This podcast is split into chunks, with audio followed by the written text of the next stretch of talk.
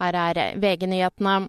Stadig flere sykepleiere velger å leie seg ut til vikarbyrå i stedet for å ha fast jobb. På den måten tjener de mye bedre og jobber når de vil, men helseminister Ingvild Kjerkol mener de utfordrer norsk arbeidslivsmodell. Hun vil nå at sykehusene skal legge mer til rette for langvakter og årsturnus for å bli en mer attraktiv arbeidsgiver, men hun sier ikke rett ut at lønna er problemet. Reporter Miriam Alsvik.